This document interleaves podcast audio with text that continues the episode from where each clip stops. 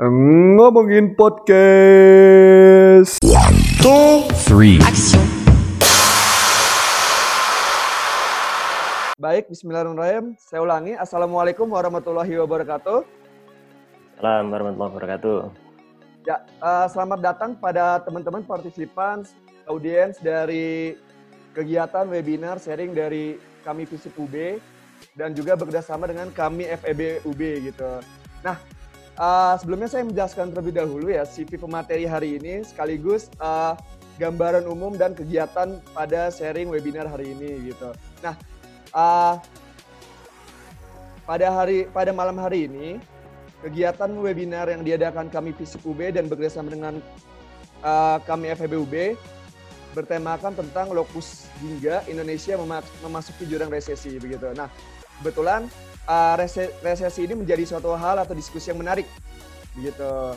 Di mana uh, saya memberikan gambaran umum terlebih dahulu pandemi virus corona ini yang men- telah menjadi wabah pandemi global di, di awal tahun 2020 sampai menuju akhir tahun belum belumlah selesai teman-teman. Nah, dan pandemi COVID ini berdampak ber, uh, pada berbagai sektor, dari sektor kesehatan, pendidikan, hingga pada sektor ekonomi di mana pada uh, kuartal kedua gitu ya tahun 2020 Indonesia mengalami minus 5,32 persen gitu. Nah, oleh karena itu pada diskusi hari ini kita juga telah menghadirkan salah satu pemantik atau pemateri yang tak kalah hebatnya gitu ya.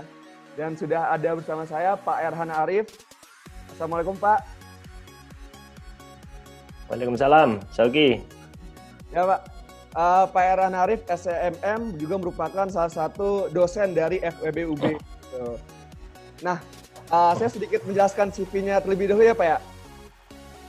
Boleh, boleh. Nah, Pak Erhan Arif SCMM merupakan uh, salah satu lulusan juga S1 Manajemen di Universitas Brawijaya dan juga melanjutkan pendidikannya S2 Manajemen Universitas Brawijaya gitu. Dan juga sudah banyak nih penelitian atau jurnal yang telah diterbitkan oleh uh, Pak Erhan ini gitu. Saya akan jelaskan sedikit satu persatu ya. Salah satu penelitiannya ini terkait pada tahun 2018 analisis isi konten analisis produk politik pasangan calon pada Pilkada Kota Malang 2013 dengan pendekatan pemasaran political marketing gitu. Dan juga salah satu jurnalnya pada tahun 2019 terkait the influence of electronic word of mouth brand image and price on repurchase intention of airline customers di jurnal aplikasi manajemen begitu. Nah, mungkin langsung aja uh, saya persilakan kepada Pak Erhan Arif untuk memulai materi dan diskusinya. Monggo Pak. Baik, terima kasih Sauki. Oke, Assalamualaikum warahmatullahi wabarakatuh. Waalaikumsalam. Waalaikumsalam warahmatullahi wabarakatuh. Oke, gimana kabarnya semua? Alhamdulillah saya Sehat, sendiri Pak. sehat Pak. Gimana nih, mau di on kan nggak kameranya ini? Kayaknya lebih seru di on kan ya, karena cuma apa eh, 20-an. Oh ya monggo teman-teman mungkin bisa di on ini. Arik, Ya, nanti Adama, kalau misalnya mau interaktif, jadi langsung bisa merespon gitu ya. Oke, silakan. Yang apa namanya tidak ada hambatan apa-apa, silakan di on kan biar bisa lebih interaktif. Baik, eh, alhamdulillah pada kesempatan malam hari yang berbahagia ini kita bisa bersilaturahim dengan teman-teman FISIP dan juga Fakultas Ekonomi. Saya tidak tahu kalau ini kerjasama juga dengan teman-teman dari Fakultas Ekonomi ya. Eh, baru tahu yang disampaikan oleh Sauki tadi. Nah, pada kesempatan malam hari ini kita akan berdiskusi tentang topik yang sangat up to date ya karena baru diumumkan pekan lalu bahwa kita sedang berada pada fase resesi gitu ya dengan berbagai macam hal yang ada di dalamnya. Nah, eh, saya berterima kasih atas kesempatan yang diberikan oleh teman-teman dari FISIP dan FEB khususnya, gitu ya. Eh, meskipun pandemi ini sudah berjalan beberapa bulan yang lalu, gitu ya, tapi eh, dampak nyatanya itu terasanya dan sudah di state oleh pemerintah itu di awal September kemarin.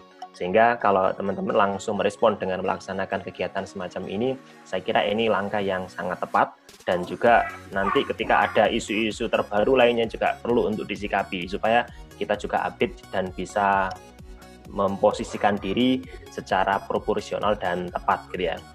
Nah, kalau kita bicara mengenai uh, resesi ekonomi, kita tidak bisa lepas ya dari uh, apa namanya pembahasan tentang pandemi COVID-19.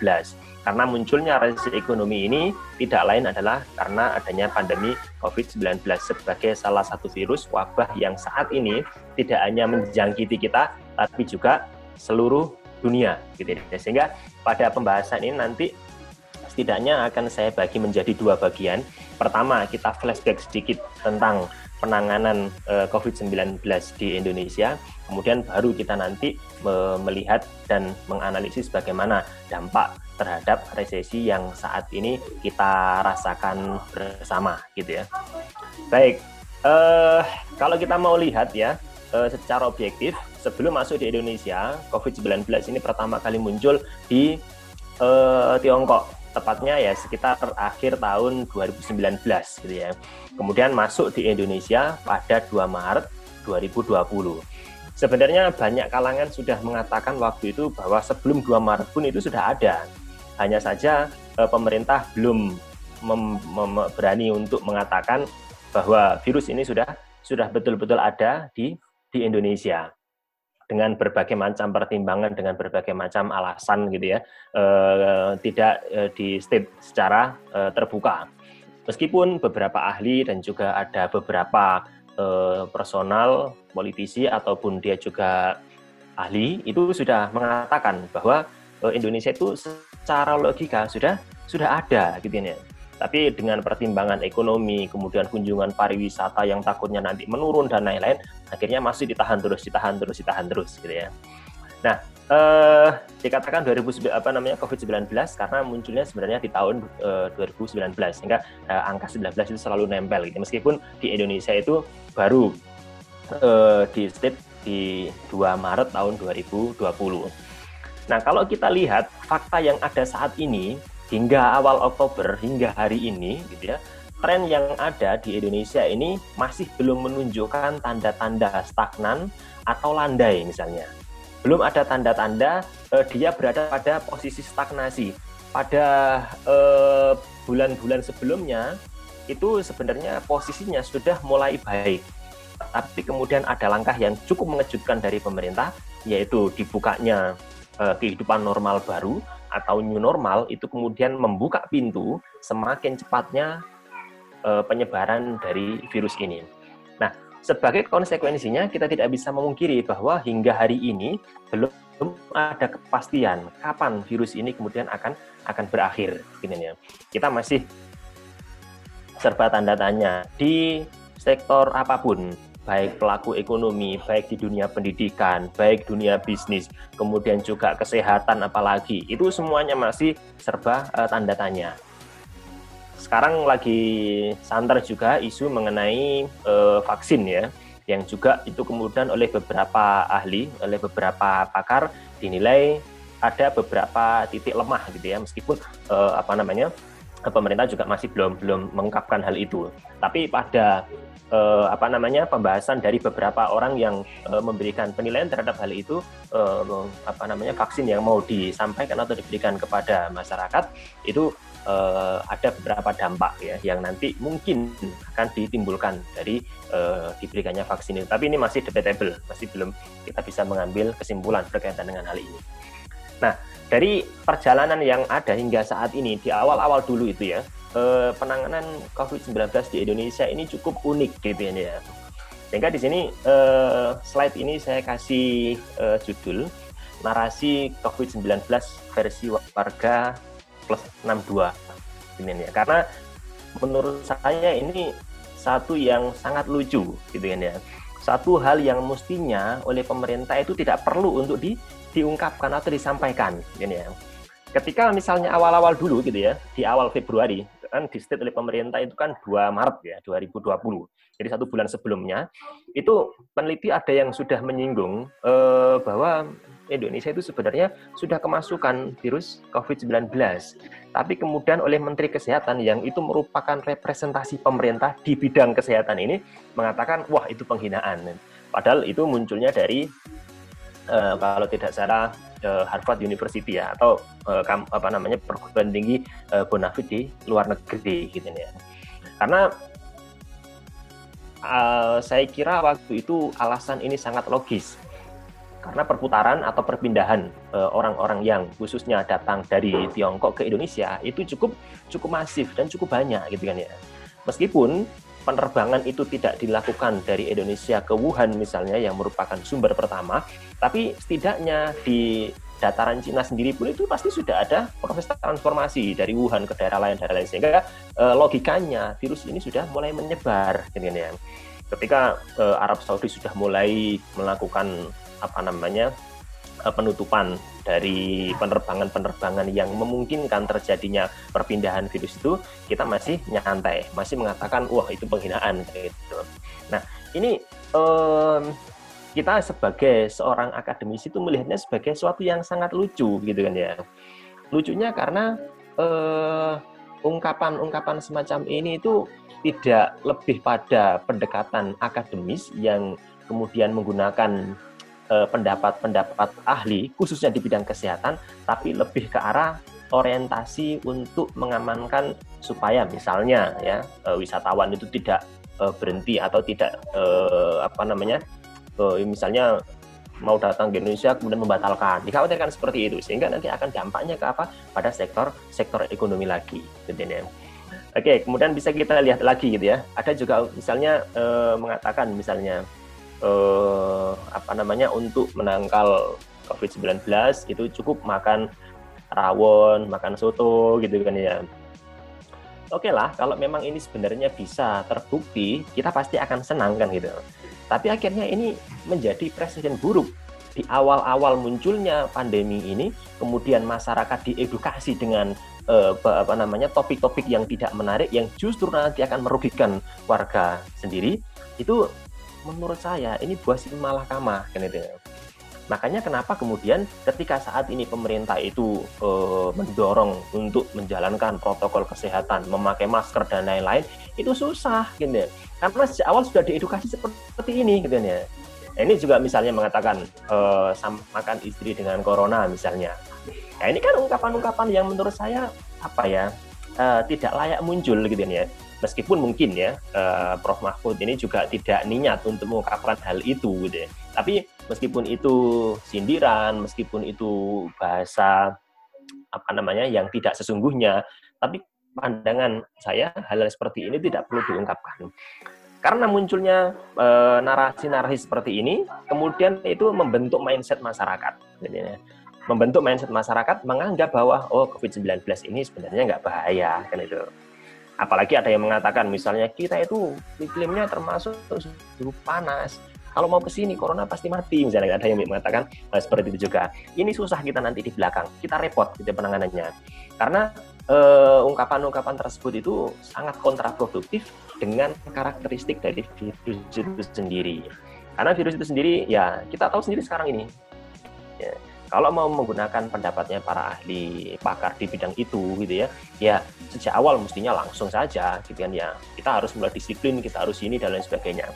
Kalau kita sudah tahu dampaknya mestinya langkah-langkah preventif itu juga bisa dilakukan sejak sejak awal. Nah pandangan-pandangan seperti inilah yang ada di kepala ya dalam tanda kutip pemerintahan pada saat itu.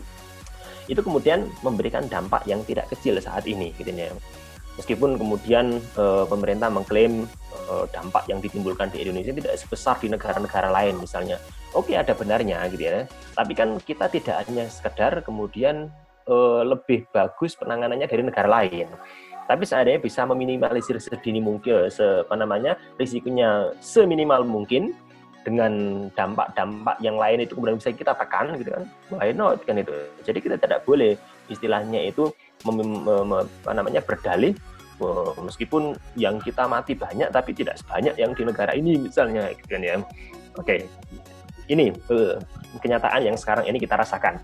Sehingga saat ini untuk menertibkan untuk mendisiplinkan warga itu satu PR tersendiri ini ya. Bagaimana kemudian uh, aparat keamanan polisi TNI, kemudian apa namanya uh, Satgas bekerja sama dengan pemerintah-pemerintah daerah itu bekerja keras sampai ada denda, sampai ada tilang dan lain sebagainya yang tidak menggunakan menggunakan masker, gitu ya. Ini uh, catatan penting ya bagi kita ketika mengambil kebijakan yang itu melibatkan uh, publik.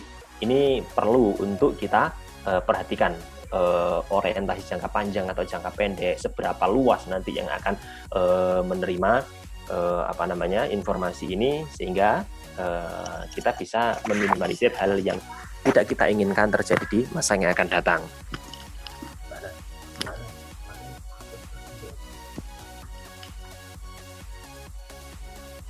Oke, uh, ini sekilas uh, kita flashback uh, ke belakang ya.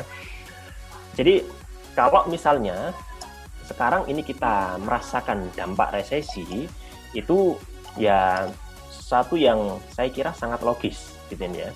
Tapi kita juga harus berpikir objektif bahwa uh, resesi yang saat ini kita rasakan itu tidak hanya terjadi pada kita, tetapi juga hampir di semua negara di seluruh dunia, gitu ya.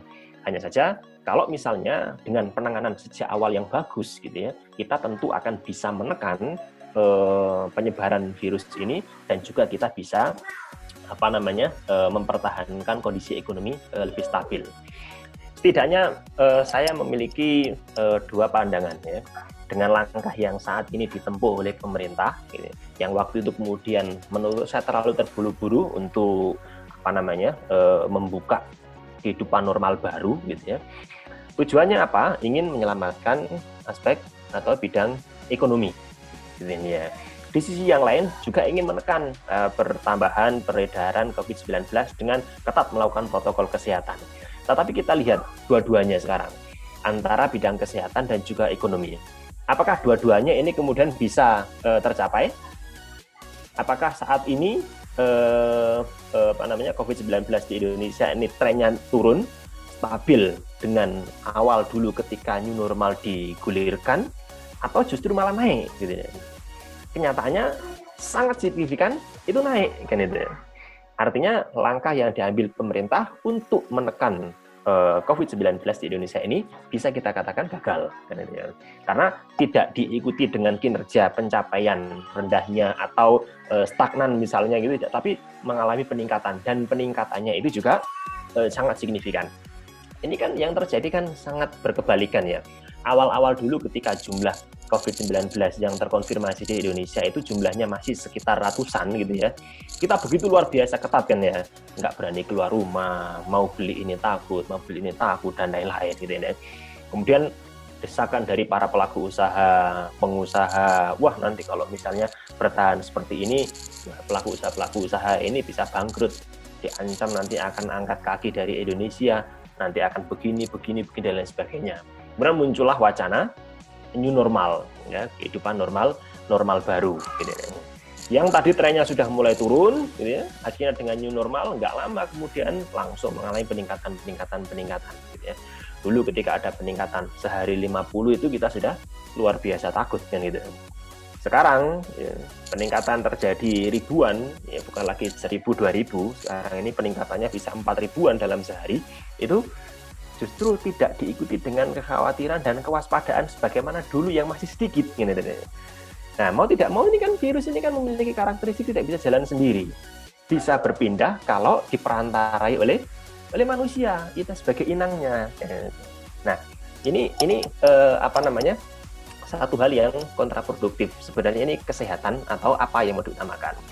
Sekarang kalau kita lihat pada aspek kedua yang menjadi tujuan dari pemerintah, ingin menyelamatkan ekonomi katakanlah toh saat ini kita tetap ada di jurang resesi kan itu ya. Jadi ingin menyelamatkan eh, eh, apa namanya aspek kesehatan tidak berhasil, gitu ya. Untuk ekonomi juga tidak tidak berhasil. Oke lah, kalau memang eh, ekonomi ini diklaim sebagai satu apa namanya eh, capaian yang cukup bagus karena dibandingkan dengan eh, negara-negara lain gitu ya, yang apa namanya eh, eh, eh, Eh, dampak terhadap ekonominya jauh lebih buruk. Uh, tapi kemudian kita sekali lagi tidak boleh berdalih berdalih seperti itu, gitu ya. Karena kalau misalnya saat itu kita bisa mengantisipasi, itu ya masyarakat di Indonesia akan jauh lebih lebih baik. Dengan cara apa misalnya? Kalau misalnya menggunakan pendekatan akademis ya, kita menggunakan uh, pendekatan sains dalam menyelesaikan satu permasalahan. Uh, karakteristik dari virus ini, gitu kan, uh, tidak akan bisa pindah kalau tidak diperantari oleh manusia. Nah, kan masa inkubasinya 14 hari. Katakanlah manusia, apa namanya, masyarakat itu kemudian dikarantina di rumah masing-masing, dalam bahasa kasarnya nggak enaknya di lockdown misalnya gitu ya. Untuk pandangan saya kalau misalnya untuk masyarakat yang kategorinya menengah gitu ya, apalagi menengah ke atas untuk bisa bertahan hidup dalam waktu satu bulan katakanlah misalnya 14 hari kurang satu bulan lah dua kali eh, 14 hari misalnya. Eh, kalangan ekonomi menengah masyarakat yang masuk dalam kategori itu saya yakin bisa bertahan hidup selama satu bulan ya. Yang menjadi catatan kan tinggal masyarakat-masyarakat yang tidak mampu, yang bekerja mengandalkan untuk makan keluarganya itu dari kerja hariannya. Oke, jadi pemerintah akan fokus ke situ, tapi tetap ruang gerak itu dibatasi. Yang nanti diberikan keleluasaan adalah pihak-pihak yang penting, misalnya distribusi makanan dan lain-lain. Gitu, Kalau bisa seperti itu, itu akan jauh lebih bisa menekan. Gitu, Kenapa kemudian kita harus apa namanya memperhatikan pandangan-pandangan pelaku usaha, pengusaha yang kemudian tidak sabar dia berhenti jualan dalam beberapa waktu gitu ya, buru-buru untuk melakukan apa namanya eh, kehidupan normal baru yang ternyata akhirnya juga memberikan dampak yang lebih lebih besar. Bayangan saya, oke okay lah kalau satu bulan dianggap kurang, dua bulan misalnya, gitu ya, dua bulan betul-betul dibatasi, gitu ya, eh, dengan anggaran yang tidak sedikit ada yang tahu berapa anggaran pemerintah untuk mengatasi eh, COVID-19 ini? Ayo, ada yang tahu? Nggak ada yang update ini ya? Totalnya 900 triliun gitu ya, yang digunakan untuk menangani ini. Saya tidak tahu ini apa namanya uh, penggunaannya ke mana, alokasinya di mana gitu ya. 900 triliun itu kalau misalnya untuk mengcover kebutuhan orang-orang yang miskin tadi itu, yang mengandalkan makan dari penghasilan harian itu saya kira akan uh, tertutupi kan itu ya. Nah, kemudian tidak sabar gitu ya. Penerbangan juga masih dibuka, sempat ditutup tapi itu juga saya kira sudah cukup telat gitu ya. Karena apa namanya? Uh, berbagai macam pertimbangan waktu itu uh, akhirnya kita bisa rasakan dampaknya seperti saat ini dan Nah, sehingga resesi ini sebagai satu konsekuensi logis gitu ya uh, entah cara penanganannya bagus ataupun tidak ekonomi satu negara ketika ada pandemi seperti ini memang jebakan untuk masuk ke jurang resesi itu uh, sangat sangat terbuka gitu ya. Jangankan kita yang uh, masyarakatnya besar, kemudian uh, wilayahnya luas gitu ya. Singapura aja yang kecil itu juga masuk dalam kategori resesi dan juga apa namanya penurunannya itu cukup cukup besar, cukup signifikan. Ya memang antara kita dengan Singapura berbeda. Kalau Singapura itu dia sangat mengandalkan uh, ekspor, ya, karena dia apa namanya uh, negara yang apa namanya produktif untuk bisa menghasilkan produk-produk uh, manufaktur dan juga jasa gitu ya. Sehingga dia menghasilkan banyak produk gitu ya. E, kemudian bisa dijual keluar keluar keluar negeri. Nah pada saat dia tidak bisa menjual keluar negeri yang mau diproduksi apa gitu kan ya mau mau produksi terus tapi nggak dijual-jual kan nggak mungkin juga kan nggak mungkin juga nah, akhirnya dia juga mengalami yang namanya e, resesi yang cukup cukup terasa gitu, termasuk di antara Singapura oke kita sekarang masuk ke e, session kedua berkaitan dengan resesi. Resesi ini juga masuk dalam kategori sebenarnya krisis ya. Nah, nah kalau kita mengacu pada pengertian krisis ekonomi adalah uh, suatu kondisi perekonomian yang mengalami resesi atau depresi. Jadi kita ini posisinya resesi. Kalau misalnya berlanjut kita nanti akan masuk ke jurang depresi gitu ya. Yang diikuti dengan munculnya dampak berupa penurunan PDB, produk domestik bruto produksi ya, inflasi atau deflasi kemudian terhambatnya likuiditas moneter dan lain-lain. Nah, kita inflasi atau deflasi nanti kita akan bahas pada uh, slide berikutnya. Oke, okay. Nah saat ini uh, krisis yang kita rasakan ini tidak hanya lokal, tidak hanya ada atau terjadi di Indonesia, tapi juga uh, kita ini ya merasakan dampak yang sama sebagaimana yang dirasakan oleh negara-negara lain pada umumnya di benua mana pun gitu kan ya tidak hanya di di Asia tapi juga Afrika, Amerika, Eropa dan lain-lain yang sama mengalami uh, dampak dampak yang sama. Nah, uh, krisis itu secara umum ya ada krisis keuangan dan krisis krisis ekonomi. Kalau kita dulu 98, 97 itu uh, pas jatuhnya Pak Harto itu kita krisis keuangan. Kalau sekarang ini krisis ekonomi. Nah, uh, resesi yang saat ini kita rasakan ini masuk dalam kategori resesi resesi uh, ekonomi. Oke, ini beberapa uh, kemungkinan ya. Jadi ketika kita krisis itu nanti potensi yang akan terjadi adalah resesi. Resesi ini dikatakan resesi ketika uh, produksi barang jasa satu negara itu mengalami minus selama enam bulan berturut-turut. Nah, per 1 September kemarin yang diumumkan oleh pemerintah melalui Menteri Keuangan itu sudah genap enam bulan kalau ditarik ke belakang. Nah, ketika nanti ini bertahan terus, katakanlah misalnya sampai dua tahun, kita nanti akan merasakan pukulan yang sangat berat, gitu ya. Kita nanti akan merasakan yang namanya depresi. Ini jauh lebih lebih uh, berat ini ya uh, dampak yang akan uh, ditimbulkan. Nah, ini ketika awal-awal uh, September kemarin Menteri Keuangan Sri Mulyani memastikan bahwa Indonesia masuk pada uh, fase resesi ekonomi karena sudah enam bulan berturut-turut ya, karena akhir kuartal ke ketiga pun ya memastikan ekonomi pada kuartal ketiga ya sehingga eh, enam bulan yang minus terus itu sudah masuk kategori suatu negara layak untuk disebut sebagai uh, keekonominya mengalami yang namanya namanya resesi. Nah, ini ya.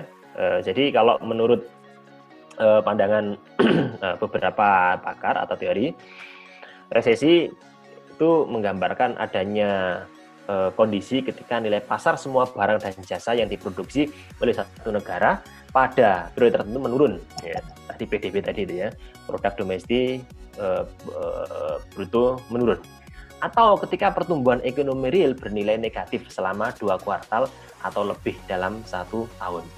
Ini sangat terasa bagi negara-negara eksportir yang kemudian berhenti mengekspor. Seperti yang saya contohkan tadi, misalnya Singapura. Singapura itu negara eksportir, ya. Dia meskipun negara kecil, tapi dia bisa mengekspor eh, banyak barang ke luar negeri. Nah, ketika pasar yang membeli itu berhenti, otomatis negara tersebut akan berhenti melakukan proses aktivitas produksi ini ya sehingga eh, apa namanya eh, negara tersebut akan mengalami pertumbuhan yang negatif karena dia mengalami eh, penurunan produksi yang begitu luar luar biasa. Kalau di Indonesia ini sebenarnya kenapa kok relatif tidak terasa gitu ya? Karena pertama mungkin karena kita itu bukan negara yang eh, apa namanya eh, memproduksi barang kemudian kita ekspor meskipun juga ada tetapi kita kan eh, impornya cukup besar dan kita masih ditopang oleh eh, sektor agriculture atau sektor pertanian ya kalau misalnya kita bandingkan kalau misalnya eh, mampu bertahan atau tidak menghadapi keadaan seperti ini kita itu insya Allah relatif mampu bertahan karena sektor pertanian yang merupakan sumber makanan pokok kita itu cukup untuk eh, apa namanya mengcover.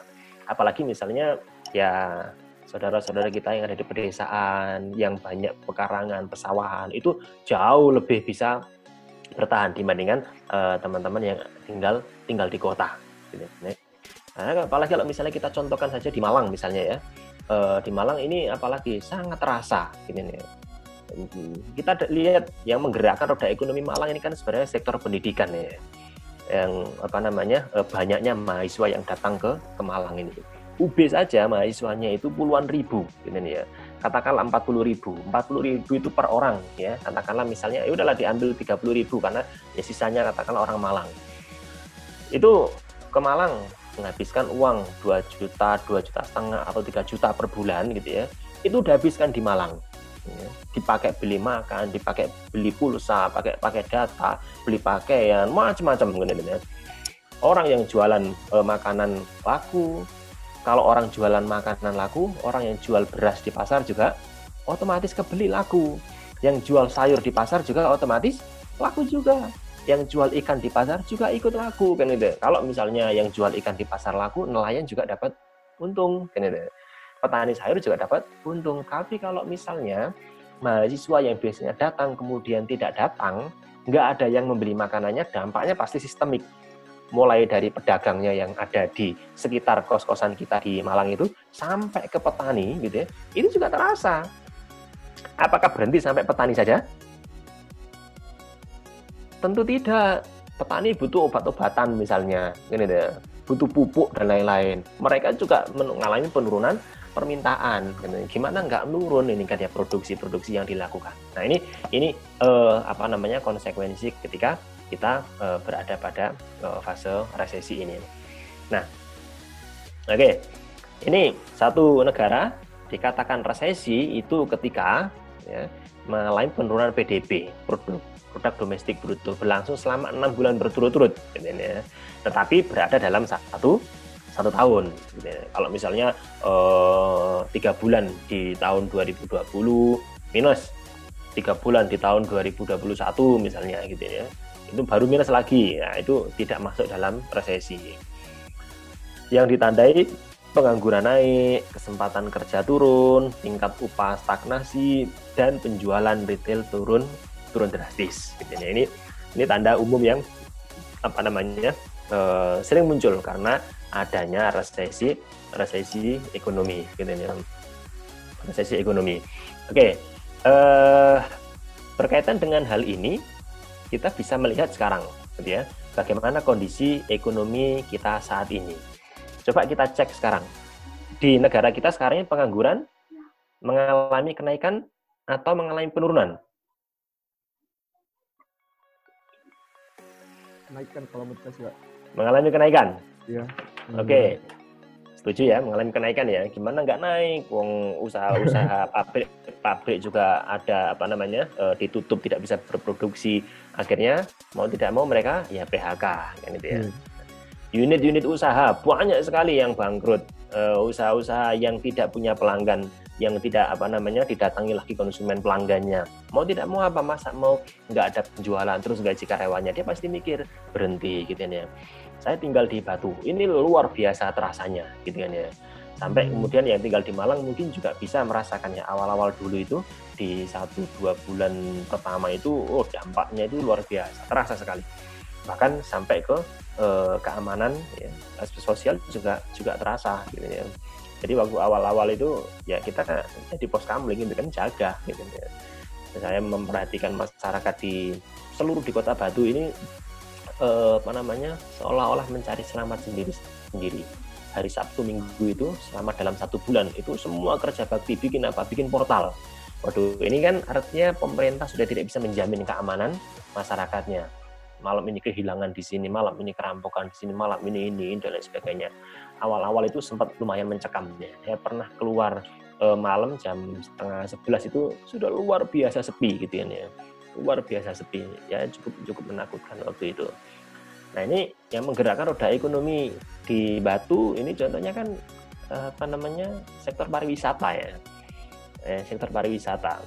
Eh, kemudian oh apa namanya objeknya ditutup tidak ada pergerakan orang datang ke sini dan ya yang berjualan misalnya jualan makanan jualan pakaian kaos merchandise oleh-oleh semuanya tutup ya yang di lingkungan saya ini mayoritas juga bekerjanya di unit-unit usaha pariwisata luar biasa terasanya gitu ya. Nah, yang relatif bisa bertahan yang eh, kerja di perusahaan besar atau sebagai eh, aparatur sipil negara itu relatif bisa apa namanya eh, menghadapi tantangan-tantangan semacam ini gitu ya. Oke, nah kalau depresi ini tingkatannya yang lebih berat. Jika berada pada titik terendah dalam siklus ekonomi yang ditandai oleh government expenditure turun, kemudian pengangguran meningkat lebih dari 50% dari total tenaga kerja, konsumsi turun, harga naik dengan laju yang lebih rendah dari laju normal, upah turun dan hilangnya harapan masyarakat masa depan. Sampai masyarakat itu tidak optimis gitu. Sekarang kan masih ada ya harapan, masih ada optimisme meskipun pemerintah belum memberikan statement krisis ini akan berhenti di bulan ini tahun ini misalnya gitu ya pandemi nanti akan berhenti di bulan Sembilan Kalau presiden bahasnya kan eh, tidak pernah lepas dari kata dua minggu ya. Saya mau dua minggu harus selesai apa namanya turun, gitu ya. Kemarin juga diberikan ke Menteri apa namanya Luhut misalnya dua minggu harus turun misalnya, gitu ya. Tapi eh, tidak tidak sesuai antara yang karena nggak nggak logis gitu loh Iya. antara yang diinginkan dengan apa yang terjadi di lapangan nggak sesuai, nggak sama, ya nggak bisa kan itu. Nggak matching kok antara strategi dengan apa yang terjadi. Ya akhirnya ya hanya sekedar omongan yang kemudian eh, kamuflase, tidak tidak eh, realistis gitu kan ya. Oke, ini ya eh, apa namanya eh, kesempatan kerja turun ya otomatis ya karena tutup usaha banyak yang eh, tutup kemudian eh, eh, apa namanya eh, memberikan konsekuensi PHK dan lain-lain. nah, ini ada versi-versi lain ya mengatakan roda ekonomi sedang istirahat. Ketika ekonomi sedang istirahat, maka perputaran roda ekonomi akan melambat atau bahkan berhenti. Kita masih melambat lah ya, nggak berhenti secara total. Tandanya apa? Daya beli masyarakat melemah, pendapatan masyarakat masyarakat turun. Gitu ya. Kalau pendapatan turun ya otomatis daya belinya melemah. Gitu ya. Eh, PHK PHK bertambah, pendapatan kelompok usaha turun dan terjadi pengangguran. Ini semua sudah terjadi. Daya beli melemah pendapatan turun PHK bertambah pendapatan kelompok usaha turun dan lain-lain. Gitu ya. nah itu tadi akhirnya memberikan dampak yang cukup eh, besar terhadap kehidupan eh, kita. Nah eh, sehingga nanti ada beberapa hal yang mungkin bisa menjadi alternatif untuk bisa kita lakukan untuk meminimalisir dampak dari resesi ini. Sehingga pertanyaan yang muncul di apa namanya flyernya itu cukup, cukup bagus ya. Terus kita harus ngapain kan itu untuk mengantisipasi hal ini. Masalah dampak udah otomatis kita pasti kena dampaknya itu gitu ya.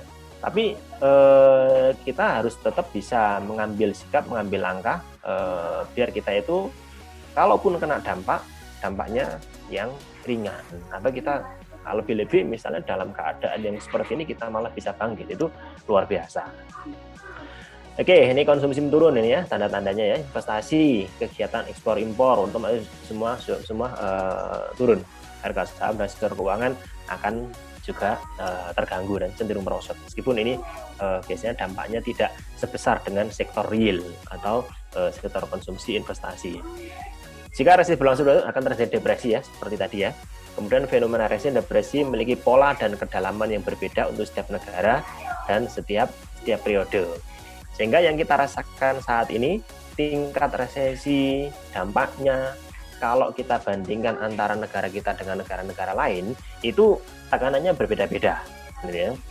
Kalau kita ini karena kita ya hmm, masih bisa e, bertahan untuk bisa menghasilkan sesuatu, khususnya di sektor pertanian, agriculture-nya itu, kita jadi lebih e, apa e, siap dalam menghadapi e, resesi ini.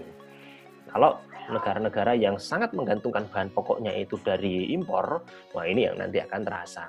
Karena ini bahan pokok negara-negara yang biasanya mengimpor juga pasti akan berpikir daripada mengutamakan negara lain ya pasti akan mengutamakan negaranya negaranya sendiri. Sehingga negara-negara seperti Singapura meskipun dia negaranya kecil eh, karena ketergantungan bahan pokoknya ke negara lain itu cukup besar gitu ya. Sehingga dia juga termasuk negara yang eh, paling merasakan dampak dari eh, resesi ini. Nah, secara umum resesi berdampak pada aspek psikologis dan harapan ya atau ekspektasi mengenai situasi mendatang. Kita saat ini itu kan eh, apa namanya ya kita pasti merasakan ya secara psikologis kira-kira nanti ini bagaimana ya gitu ya. Kita nanti itu kapan ya akan selesai? Kapan ya kita ya apalagi misalnya mahasiswa baru lulus misalnya aduh baru lulus kemudian ada pandemi Waduh, kan kesempatan kerja kan sangat terbatas. Dia tekanan psikologisnya kan akan semakin semakin berat kan itu tapi di sisi yang lain ada tekanan psikologis, tapi juga ada harapan. Nah, yang berat itu ketika sudah terjadi e, depresi tadi itu. Ya. Kalau terjadi depresi, sudah harapan itu seolah-olah sudah sudah hilang, gitu. karena indikator-indikator lain itu sudah memberikan informasi yang sangat tidak menguntungkan, sehingga dia sampai harapan pun tidak ada. Oke, jika misalnya dunia usaha memperkirakan aktivitas ekonomi ke depan merosot, saat itu perusahaan enggan menambah produksi. Dia terus mengurangi kesempatan kerja dan cenderung menahan investasi atau atau menabung. Jadi kalau misalnya kita punya uang gitu ya, akan kita investasikan, tetapi ada prediksi bahwa eh, ke depan itu keadaan tidak semakin bagus. Kita sebagai calon investor yang akan menginvestasikan sejumlah uang kita miliki, kita tetap investasi atau kita apa namanya menahan uang kita. Eh, kita investasi atau kita tahan uang kita. Kita akan cenderung Menahan. Menahan karena Iya. waduh harapannya kemungkinannya Menahan. kecil kan gitu ya ekspektasinya kayaknya nggak menjanjikan gitu ya daripada nanti saya rugi udahlah saya cari aman aja dulu gitu ya nanti kalau situasi sudah membagus eh, indikator-indikator ekonominya sudah apa namanya positif baru saya nanti akan berinvestasi gitu. psikologis pelaku bisnis seperti ini justru mempercepat dan memperkuat terjadinya resesi kenapa karena dengan tidak berinvestasi, tidak berproduksi, itu nanti akan memperburuk memperburuk situasi. Orang menganggur tidak terbantu gitu. Padahal belum tentu perkiraan dunia usaha itu betul-betul nanti akan akan jatuh. Seolah-olah sudah tidak ada harapan karena tekanan psikologisnya sudah sudah berat. gitu. Tapi kalau misalnya eh, suasananya menggambarkan situasi yang optimis, pelaku usaha, investor itu kemudian tidak ragu-ragu menanamkan investasinya gitu ini eh, dia nanti akan bisa mengurangi tekanan-tekanan eh, resesi. Nah, kalau saat ini keadaan yang eh, mengimbangi atau mengiringi situasi seperti ini adalah pandemi yang nanti taruhannya itu adalah nyawa, ini juga nanti tetap akan menjadi buah si malakama. Mau kita dorong seoptimis apa pun, tapi kalau misalnya pergerakan orang itu diberikan keleluasaan, orang juga nanti akan muncul rasa rasa takutnya. Nah itu itu eh, apa namanya eh, dampak-dampak yang bisa dimunculkan ketika terjadi eh, resesi. Oke, ini eh, seperti yang di tadi ya, eh, apa namanya eh, slide eh, sebelumnya tadi. Oke, kita lanjutkan. Eh, ya, kalau kita melihat ya kemungkinan-kemungkinan yang terjadi terjadinya krisis ini kita kan sering ya mendengar ada yang mengatakan bahwa pandemi ini karena konspirasi, ada yang begini, begini dan lain sebagainya. Oke lah, itu eh, satu hal yang wajar, ya. satu hal yang istilahnya eh, eh, ya sebagai wacana lah, tidak masalah. Karena kemungkinan-kemungkinan seperti itu juga bisa saja terjadi kan gitu ya. Kayak misalnya terjadinya krisis gitu karena apa namanya tekanan, karena keinginan dari pihak-pihak tertentu yang dia memang dominan dalam penguasaan ekonomi itu mungkin-mungkin saja terjadi gitu ya. Sehingga kemungkinan teori konspirasi juga bisa terjadi. Tapi dalam konteks ini konspirasinya mungkin tidak pada eh, apa namanya eh, krisisnya tapi lebih ke arah eh, COVID-19-nya itu gitu ya.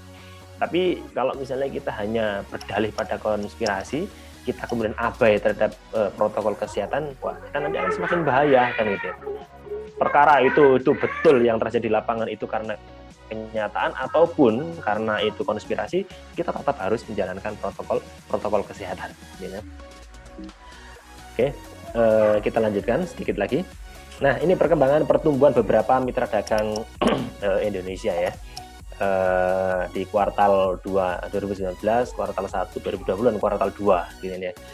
Uh, jadi yang merasakan uh, apa namanya uh, tekanan karena adanya pandemi COVID-19 ini tidak hanya kita, tetapi juga negara-negara lain. Bahkan negara-negara yang kita sebut sebagai negara maju yang ekonominya mapan pun itu terasa.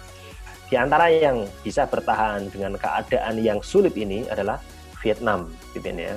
Vietnam. Ini eh, beberapa informan menyebutkan karena kepatuhan mereka, awareness, kepedulian mereka terhadap apa namanya kesehatan itu cukup bagus ya. Ketika ada instruksi himbauan seperti ini seperti ini tuh eh, mereka tidak mengabaikan tapi menjalankan gitu ya. Ini Singapura termasuk yang mengalami tekanan paling berat katanya. Dia pasti ya PDB-nya, produk domestiknya, produksi dalam negerinya turun karena dia sebagai negara eksportir negara eksportir itu ketika ada pandemi seperti ini itu dampaknya berat sekali. Tapi ketika kondisi normal, keuntungan yang bisa diberikan kepada negara tersebut itu luar biasa besar. Gitu. Karena dengan menjadi negara pengekspor, kita kan jadi menjual eh, apa namanya eh, barang-barang itu ke negara lain kan itu. Ketika kita menjual, uangnya bisa kita tarik kan itu. Bisa kita gunakan untuk berinvestasi di negara kita. Kalau kita sebagai negara produsen produksi gitu ya, eh, memproduksi banyak produk, orang-orang dalam negeri yang kita libatkan untuk proses produksi tersebut itu kan banyak. Mereka bisa diberdayakan, berpendapatan, daya belinya naik, ya, ekonominya juga tumbuh dan lain-lain. Gitu ya. Tapi kalau tiba-tiba produksinya berhenti, mereka jadi nganggur, padahal di sisi lain kebutuhan juga harus berjalan terus gitu ya. Nah ini akan menjadi tekanan tersendiri bagi bagi mereka.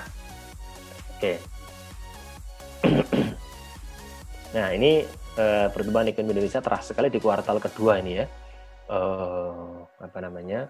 terjadi penurunan 5,32 persen. Ini, ya. ini kalau kita bandingkan uh, kuartal per kuartal sama juga mengalami mengalami uh, penurunan. Kalau ini kita bandingkannya adalah YOY ini year on year ya. Uh, terjadi penurunan yang ya sebelumnya relatif stabil gitu ya, relatif stabil kemudian langsung turun gitu ya. Ini tidak pernah kita ya keluar dari kepala lima ini ya di 2000 uh, apa namanya 19 ke belakang. Ya sejak zamannya Pak Jokowi ini meskipun janjinya katanya akan bisa tumbuh katanya sampai 7 persen gitu ya tapi kenyataannya dari target yang ditetapkan setiap tahunnya itu sekalipun tidak pernah tercapai gitu ya katakanlah misalnya tahun ini kita targetnya 6% gitu ya. Tidak pernah tercapai target yang ditentukan setiap tahun apalagi uh, terlalu muluk-muluk sampai ke 7% gitu ya. Itu uh, jauh dari uh, kenyataan.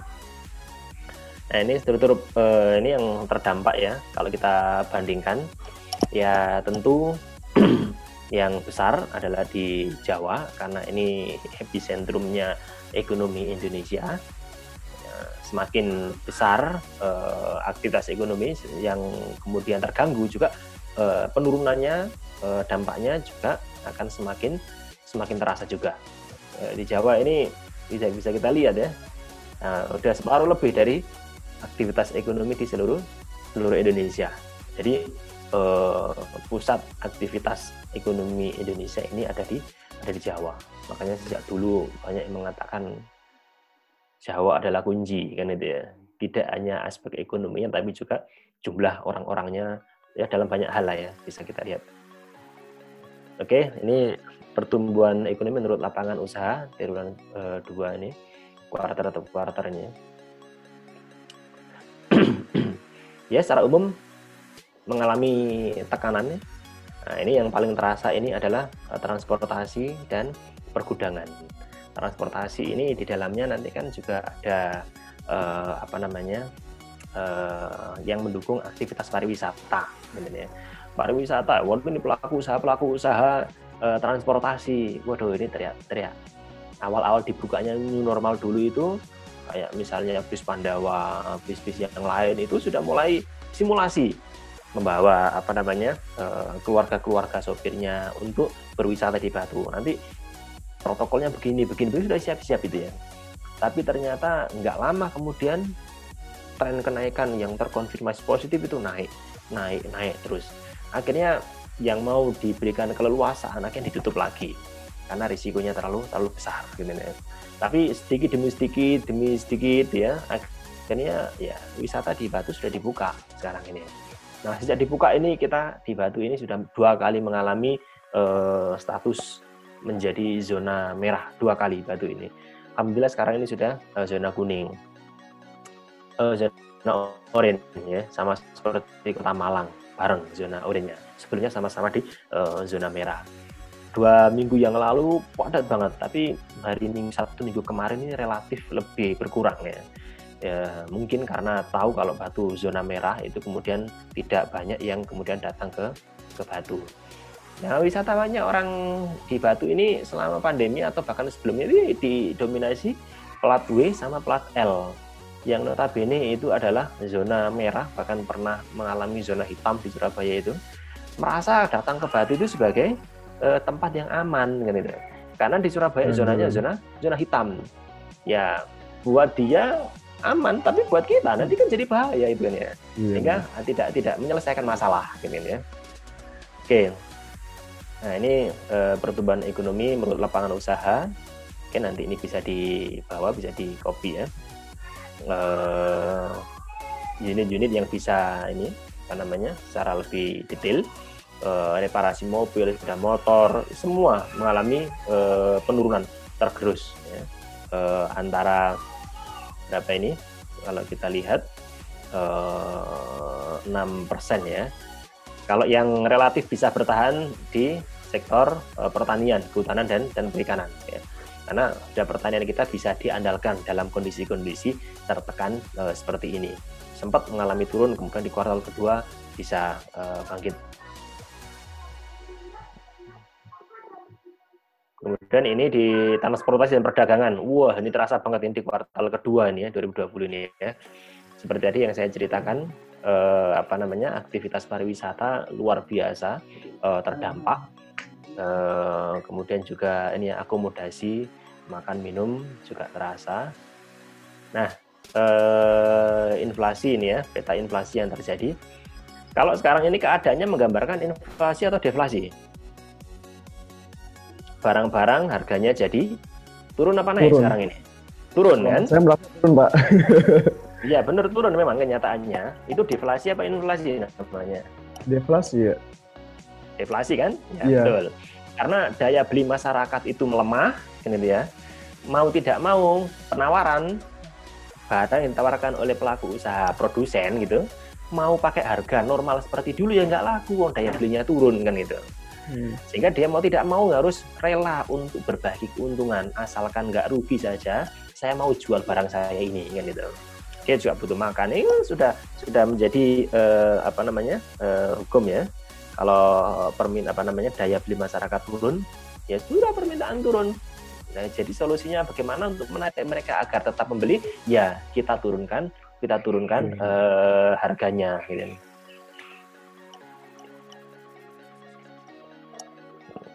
Oke, eh, ini menjadi konsekuensi ketika daya beli masyarakat turun. Terjadi deflasi. Kalau terjadi inflasi itu ketika harga-harga barang itu mengalami kenaikan, gitu ya, mengalami kenaikan. Mengalami kenaikan kenapa? Karena uang yang dipegang oleh masyarakat itu banyak. Nah sekarang ini kan nggak ada pendapatan, uang yang dipegang sedikit. Orang pasti akan lebih prioritas untuk memenuhi kebutuhan pokok terlebih dahulu. Jadi kalau awal-awal pandemi kemarin itu ada panic buying ya untuk memenuhi kebutuhan pokok itu prioritas. Ya, biasanya beli beras mungkin stoknya 25 kilo. Saya waktu itu takut kan, ya udah, akhirnya beli sampai 75 kilo kan untuk jaga-jaga gitu kan. Jangan-jangan nanti di lockdown nggak bisa keluar semacam-macam kan itu ya. Kebutuhan pokok harus kita utamakan. kan ya. Nah kalau yang lain-lain, apalagi kita konsumsi makanan pokok aja dalam kondisi seperti ini itu berkurang kok, apalagi mau beli pakai data, mau beli apa namanya eh, pakaian, mau ganti HP dan lain-lain. Itu nanti PR PR berikutnya dan nanti itu nanti akan jadi eh, agenda-agenda yang harus kita penuhi untuk sebelumnya. Tapi tidak tahu kayaknya sekarang ini eh, polanya berubah ya. Pakai data itu tetap nomor satu ya. Jangan sampai nggak bisa online ini ya. mengalahkan makanan pokok ini. Khusus untuk mahasiswa, Pak. Oke. Nah, ini sektor paling terdampak ya, transportasi, pariwisata, restoran. Waduh, ini ya, teriak-teriak semua nih ya. Kemudian bagi masyarakat dampak tidak parah bagi pekerja pendapatan tetap. Ya kayak kita ASN itu relatif bisa bertahan ya. Ya kalau udah transportasi, pariwisata yang memungkinkan perpindahan dari orang satu tempat ke tempat yang lain yang notabene itu adalah eh, jalur dari COVID-19 ini bisa eh, menular, itu pasti terasa sekali ini ya, transportasi dan pariwisata ini. Oke, eh, kemudian ini beberapa langkah yang bisa kita lakukan untuk menghadapi resesi. Persiapkan dana darurat, menabung, berjaga untuk keperluan yang sangat mendesak. Jadi di sini eh, orientasi untuk mengubah gaya hidup itu harus pertama berhemat, kurangi pengeluaran yang kurang kurang penting. Apalagi kita belum tahu, belum ada jaminan kapan ini akan berakhir, maka orientasi tujuan untuk mengutamakan ya, kebutuhan pada keadaan darurat itu harus kita kita uh, prioritaskan. Kemudian lunasi hutang misalnya, ya gimana Pak mau lunasi hutang, oh, pendapatannya aja turun kok suruh lunasi hutang kan gitu ya. ya karena nanti kalau keadaannya semakin memburuk semakin berat kan gitu ya, semakin berat kita. Kemudian meningkatkan kinerja, kinerjanya produktivitasnya harus harus ditambah yang mungkin sebelumnya uh, produktivitasnya hanya mencapai 80%, kita tingkatkan sampai 90%. Karena seleksi alam di tempat kerja nanti itu akan berlaku ya. Yang produktif pasti akan dipertahankan dengan itu. Kalau kita sebagai pedagang juga sama meningkatkan produktivitas. Kemudian cari pemasukan lain, dan ya, cari alternatif-alternatif yang lain. Karena e, meskipun secara umum mengalami penurunan, ya insya Allah tetap ada alternatif-alternatif pilihan yang bisa menjadi celah bagi kita untuk bisa uh, menambah atau meningkatkan uh, pendapatan. Kemudian uh, bisa juga melindungi sumber penghasilan, ya. Usahakan sumber pendapatan tetap terjaga, gitu. ya jangan sampai dipecat posisinya kan itu. Kemudian memiliki dana cadangan, efektif pembelanjaan, tidak boros, utamakan belanja pokok, tidak berhutang, gitu kan ya. Ya ini kan kondisinya ideal ya. Ya kalau misalnya tidak punya, nggak bisa bekerja, nggak utang, terus ya opo kan gitu pertanyaannya. Jadi eh, apa namanya kondisi ini tentu eh, dihadapkan pada berbagai eh, syarat-syarat lainnya. Tetap belanja rutin, tetap belanja rutin ini sebenarnya ya selain untuk kita ya untuk menghidupkan roda ekonomi kan gitu ya. Tetangga kita kalau kita eh, beli barang dagangannya ya stres juga kan gitu ya.